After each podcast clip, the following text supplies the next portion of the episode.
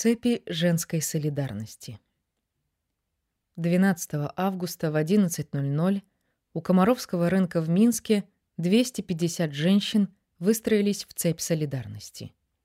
Женщины разных возрастов были одеты в белое и молча стояли, взявшись за руки с цветами и плакатами.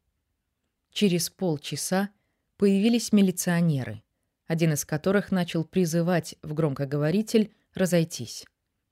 Рядом курсировали микроавтобусы без номеров с мужчинами в балаклавах. Атмосфера была напряженной.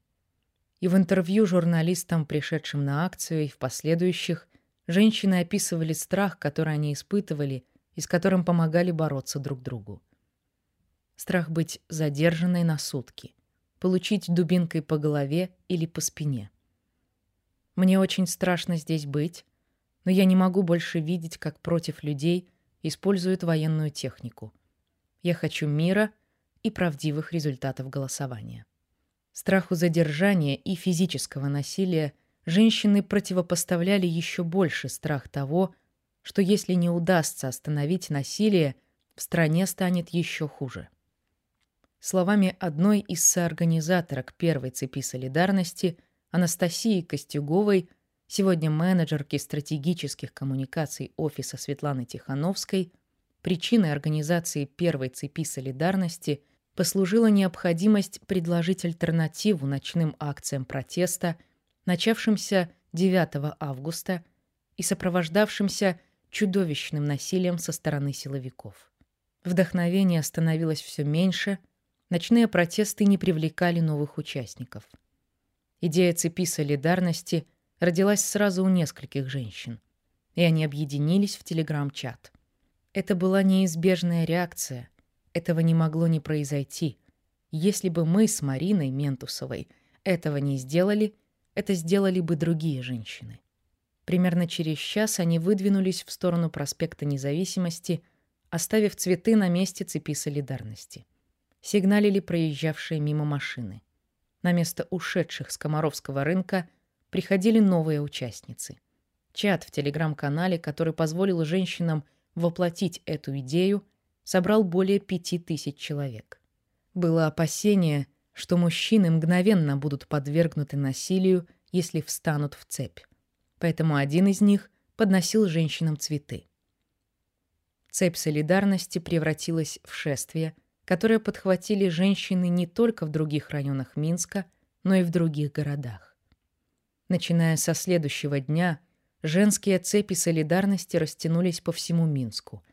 Протест обрел новое дыхание, которое получило обозначение революции с женским лицом. Эксцессы насилия. Возникновение первой женской цепи солидарности у Комаровского рынка стало ответом на беспрецедентное насилие, развязанное белорусским режимом в отношении мирных граждан Беларуси с вечера 9 августа. В этот день в Беларуси проходили выборы президента. Чтобы узнать их результаты, сотни белорусок и белорусов пришли к своим избирательным участкам к 10 часам вечера. Ожидалось, что к этому времени избирательные комиссии завершат свою работу и гражданам будут предоставлены ее результаты в виде протоколов с подсчитанными голосами. На одних участках были вывешены протоколы, согласно которым победу одержал Лукашенко. На других победила Светлана Тихановская. Однако на некоторых участках, как, например, на моем, протокол вывешен не был, и в какой-то момент около 250 собравшихся возле него человек остались перед зданием с темными окнами, потому что комиссия незаметно сбежала от избирателей через запасной выход а у некоторых других участков людей начал разгонять и задерживать ОМОН. Поскольку подсчет голосов никак не мог завершиться, люди не расходились, а дело шло к ночи. Часть граждан, разгневанных сфальсифицированными результатами и таким отношением, решили идти к центру города. 9 августа примерно с 6 вечера интернет перестал работать в привычном режиме. И те, кто не успел установить программы для обхода блокировки, это был и наш с мужем случай, не могли понять, что происходит в городе. интернет оставался заблокированным до утра 12 августа. И все это время в Минске, а также других городах Беларуси происходила катастрофа, которая перевернула отношение белорусов к действующей власти и к самим себе. То, с чем столкнулось общество, когда интернет стал доступен, превосходило человеческое воображение, характерное для людей и сообществ второго десятилетия 21 века. В ночь с 9 на 10 августа массовые протесты проходили более чем в 30 городах Беларуси. На улицы вышли тысячи мирных людей. Сотрудники милиции, ОМОНа и внутренних войск применяли против мирных демонстрантов слезоточивый газ, светошумовые гранаты, водометы, резиновые пули, а в Бресте — огнестрельное оружие. Число задержанных в период с 9 по 12 августа превысило 6 тысяч человек. Как минимум двое были убиты. Один человек в Минске и один в Бресте. И тысячи подвергнуты физическим пыткам. Фото, аудио и видео свидетельства этого насилия начали наполнять телеграм-каналы и другие интернет-ресурсы. Люди на видео были покрыты синяками, многие попали в больницы с переломами и другими травмами и нуждались в хирургическом вмешательстве. Пострадавшие мужчины и женщины рассказывали о том, с какой жестокостью их били при задержании, затем в автозаках, дворах РУВД, наконец в тюрьмах, Задержанных граждан, в том числе и тех, кто оказался в эпицентре насилия случайно, держали в переполненных помещениях РУВД и тюремных камерах. Заставляли часами лежать лицом в пол, со связанными руками и друг на друге. Избивали руками и ногами, так что люди надолго теряли сознание. Им не давали еды и воды. Среди многочисленных форм унижения, сопровождавших изнуряющее избиение – было принуждение называть себя фашистами, исполнять гимн и признаваться в преданности режиму Лукашенко. Переломный момент протеста. Вечером 11 августа сообщество соседей, сформированное вокруг наблюдателей моего участка, в очередной раз собралось в одном из дворов, чтобы обсудить, как проходит сбор подписей, подтверждающих победу Светланы Тихановской на нашем участке членами сообщества. Собирать подписи мы решили на аналогичной встрече 10 августа, куда пришло около 40 человек. Тогда же мы разделили между собой дома, которые нужно обойти. На встрече 11 августа соседи сдали организационной группе, в которую вошли и я с мужем, собранные подписи и вновь пошли по домам. Состояние у собравшихся было тревожное. Мы делились информацией об охватившем Беларусь насилии, интернет ни у кого не работал. Буквально через несколько минут после того, как члены нашей группы переступили порог квартиры, где мы должны были обсудить дальнейшие действия, во двор вбежало около десяти ОМОНовцев в полной экипировке, в шлемах и с дубинками, готовых к тому, чтобы начать нас избивать. Ужас от осознания того, что моему мужу, моим соседям и мне чудом удалось избежать избиения и задержания – не покидало меня еще несколько недель, но также придало решительности ни в коем случае не прекращать сопротивляться происходящему, хотя она и граничила с отчаянием. 12 августа стало известно, что в ночь с 10 на 11 августа Светлана Тихановская выехала в Литву, что произошло после ее задержания накануне, когда белорусские спецслужбы продержали ее у себя в течение семи часов. Во время задержания Светлану принудили записать видеообращение, о чем она рассказала, оказавшись в Литве. Акции протеста, которым дала толчок женская цепь солидарности у Комаровского рынка 12 августа, приведут к тому, что с 13 августа людей, задержанных 9-11 августа и подвергнутых жестким избиениям и пыткам, начнут отпускать из тюрем, что, в свою очередь, даст толчок новой волне широкого мирного протеста по всей Беларуси. Женщины, вышедшие для участия в цепи солидарности днем 12 августа, не знали, чем завершится эта акция. В интервью журналистам они и ситуативно присоединившиеся к ним люди говорили о том, что насилие и пытки последних дней непосредственно коснулись их близких, родственников и друзей, что это нельзя пережить и простить, и что необходим новый формат мирного протеста в дневное, а не ночное время в ответ на развязанное властями насилие в отношении мирных граждан. Среди мотивов присоединения к акции одна из женщин назвала создание объединенного штаба. Светлана Тихановская, Мария Колесникова, Вероника Цепкала поставили себя под удар, и теперь наступил момент проявить с ними солидарность. Женская цепь солидарности у Комаровского рынка скоро будет обозначена исследователями и журналистами как переломный момент мирных белорусских протестов, а также – как очередной этап формирования нового коллективного женского субъекта в Беларуси. Начиная с 12 августа на смену хэштегу «Эволюция» приходит понятие «революции», которую в значительной степени будут продолжать ассоциировать с женщинами и женскими стратегиями солидаризации и сопротивления. Новая чувствительность белорусского общества – Одновременно женские цепи солидарности будут интерпретироваться с акцентом на женской красоте и жертвенности, то есть в рамках дискурса о пассивной, вторичной и подчиненной роли женщин. Однако российский журналист Андрей Архангельский проинтерпретирует жертвенность, воплощенную в женской солидаризации после 9 августа, как проявление не пассивной, а активной позиции. По его мнению, эта проактивная жертвенность обусловлена тем, что продемократическому движению в Беларуси, в отличие, например, от Украины 2014 года, совершенно не на что опереться, поскольку в Беларуси нет институтов, альтернативных авторитарным.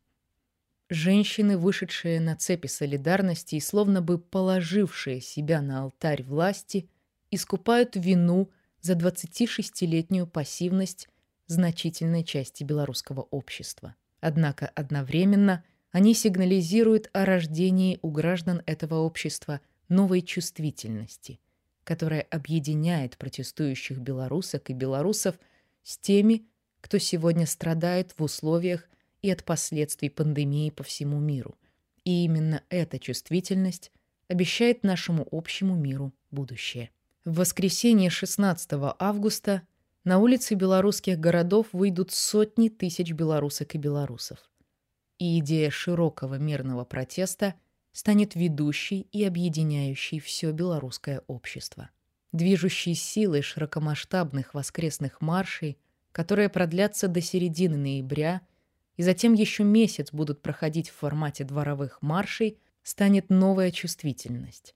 В частности, новое отношение белорусского общества к насилию, о чем впервые заявили женщины, вышедшие 12 августа к Комаровскому рынку.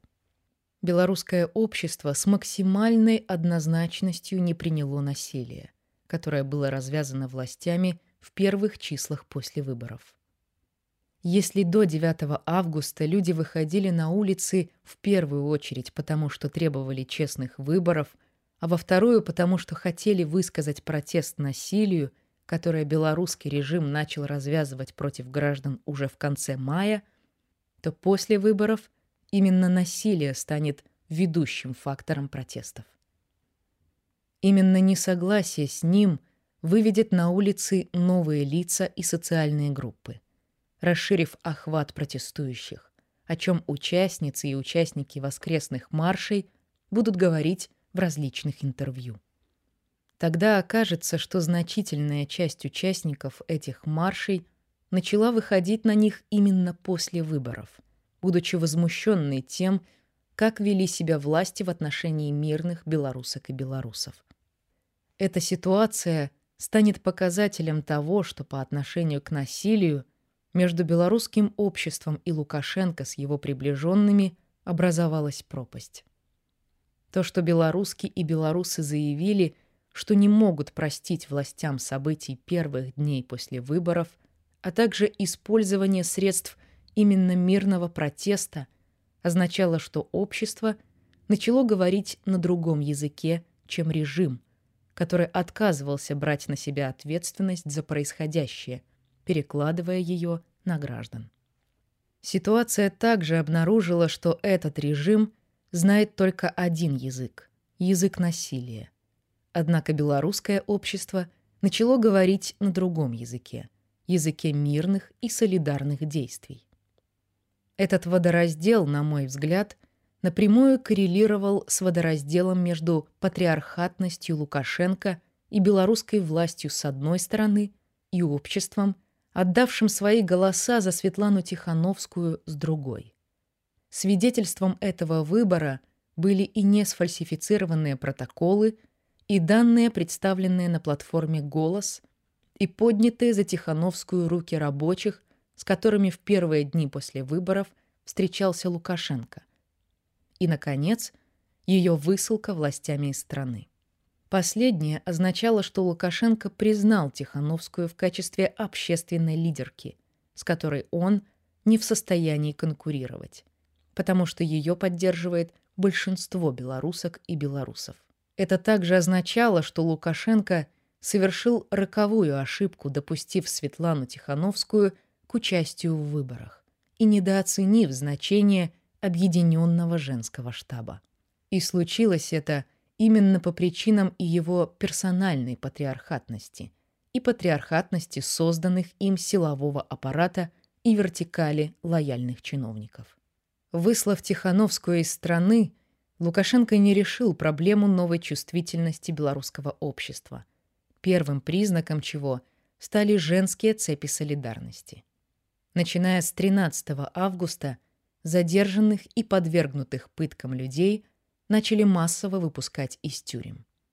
Волонтерки и волонтеры дежурили круглосуточно у их стен, а также на линиях психологической, юридической и другой помощи. Степень травмированности выходящих из тюрем шокировала любого, кто с ними сталкивался. Одновременно по всему Минску и другим городам проходили акции, цепи солидарности, концерты у филармонии, небольшие арт-выставки. Рабочие начали заявлять о забастовках, представители газет и телевидения, спортсмены и учителя, врачи и вузовские преподаватели делали коллективные заявления, увольнялись с работы, проявляли солидарность с теми, кто все еще оставался в тюрьмах. Только в Минске первый воскресный марш собрал по разным подсчетам более 200 тысяч человек. Учреждение Координационного совета. Вынужденный отъезд Светланы Тихановской в Литву вызвал широкое международное возмущение. О ее приезде в Литву сообщил в своем твиттере глава литовского МИД Линас Линкевичус. На официальном уровне Литва, как и США, уже в первые дни после выборов заявила о своей поддержке белорусского народа. Требование прекратить насилие в отношении мирных протестующих, освободить всех политических заключенных, привлечь к ответственности всех причастных к насилию и провести новые и честные выборы объединяли тех, кто выходил на улицы по всей Беларуси. 14 августа Светлана Тихановская объявила на телеграм-канале «Страна для жизни» о создании в Беларуси координационного совета, призванного организовать процесс выхода Беларуси из политического кризиса. Атмосфера на первой встрече основного состава координационного совета – 19 августа, в которой участвовала и я, была торжественной и одновременно тревожной. Было непонятно, чем обернется участие в его работе для нас, его участниц и участников, и не будем ли мы задержаны прямо после встречи. Также стало понятно, насколько разными по своим взглядам и представлениям о совместной работе являются участники Координационного совета, и что будет непросто находить друг с другом общий язык. Среди членов КС были и известные, и зарекомендовавшие себя в гражданском обществе люди, такие как представитель правозащитного центра «Весна» Олесь Беляцкий и представитель Белорусской ассоциации журналистов «БАШ» Андрей Бастунец и несколько представителей молодого поколения активистов. 23-летняя Алана Гибримариам, член Совета объединения белорусских студентов, 33-летний Павел Белоус, известный популяризатор национальной белорусской культуры.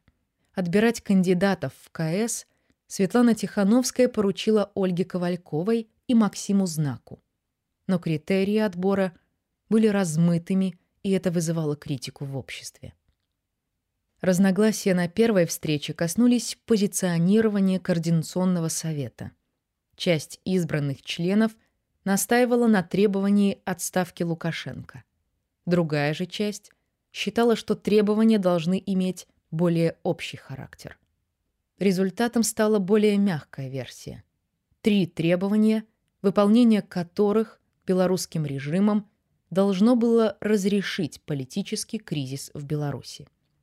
Прекращение политического преследования граждан Республики Беларусь со стороны властей, возбуждение уголовных дел, привлечение виновных к ответственности, освобождение всех политических заключенных, отмена неправомерных судебных постановлений, выплата компенсаций всем пострадавшим, признание выборов 9 августа 2020 года недействительными, проведение новых выборов по международным стандартам с новым составом всех комиссий по выборам, включая Центральную комиссию. Кроме согласования этих требований, на первой встрече было положено начало формированию рабочих групп, которые должны были помогать артикулировать свои интересы и добиваться своих требований различным группам граждан – профессиональным, молодежным, начавшим формироваться во дворах и другим. На первом заседании 19 августа был также избран Президиум Координационного совета. Четыре женщины и трое мужчин разных профессий и возрастов, готовых благодаря своей решительности, знаниям и жизненному опыту представлять новую Беларусь внутри и за пределами страны. 37-летняя Мария Колесникова и 72-летняя Нобелевская лауреатка по литературе – Светлана Алексеевич. Наряду с тремя юристами Максимом Знаком, Ольгой Ковальковой и Лилией Власовой, вошедшие в 2016 году в топ наиболее влиятельных и успешных женщин в Беларуси, среди членов президиума был один рабочий Минского тракторного завода Сергей Дылевский и один госчиновник, до недавнего времени руководитель Купаловского театра и бывший министр культуры Павел Латушко. Одновременно с Марией Колесниковой особое значение для меня имела фигура 39-летнего Максима Знака.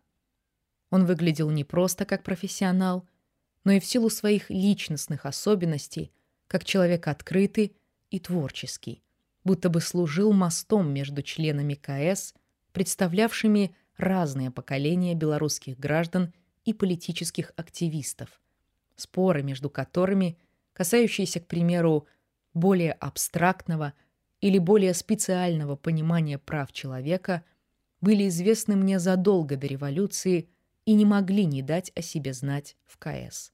Уже на следующий день, 20 августа, белорусские власти возбудили уголовное дело против Координационного совета по статье 361 за призывы к действиям направленным на причинение вреда национальной безопасности Республики Беларусь.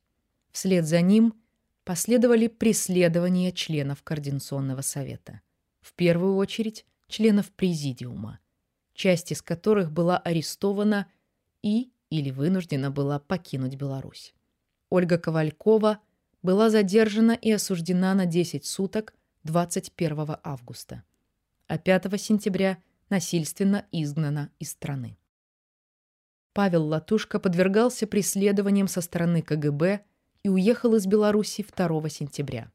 Сергей Дылевский был арестован 25 августа и, пробыв за решеткой 25 суток, также уехал из Беларуси. Лилия Власова была задержана 31 августа и провела в тюрьме полтора месяца. Позже стало известно, каким унижением власти подвергали 67-летнюю женщину.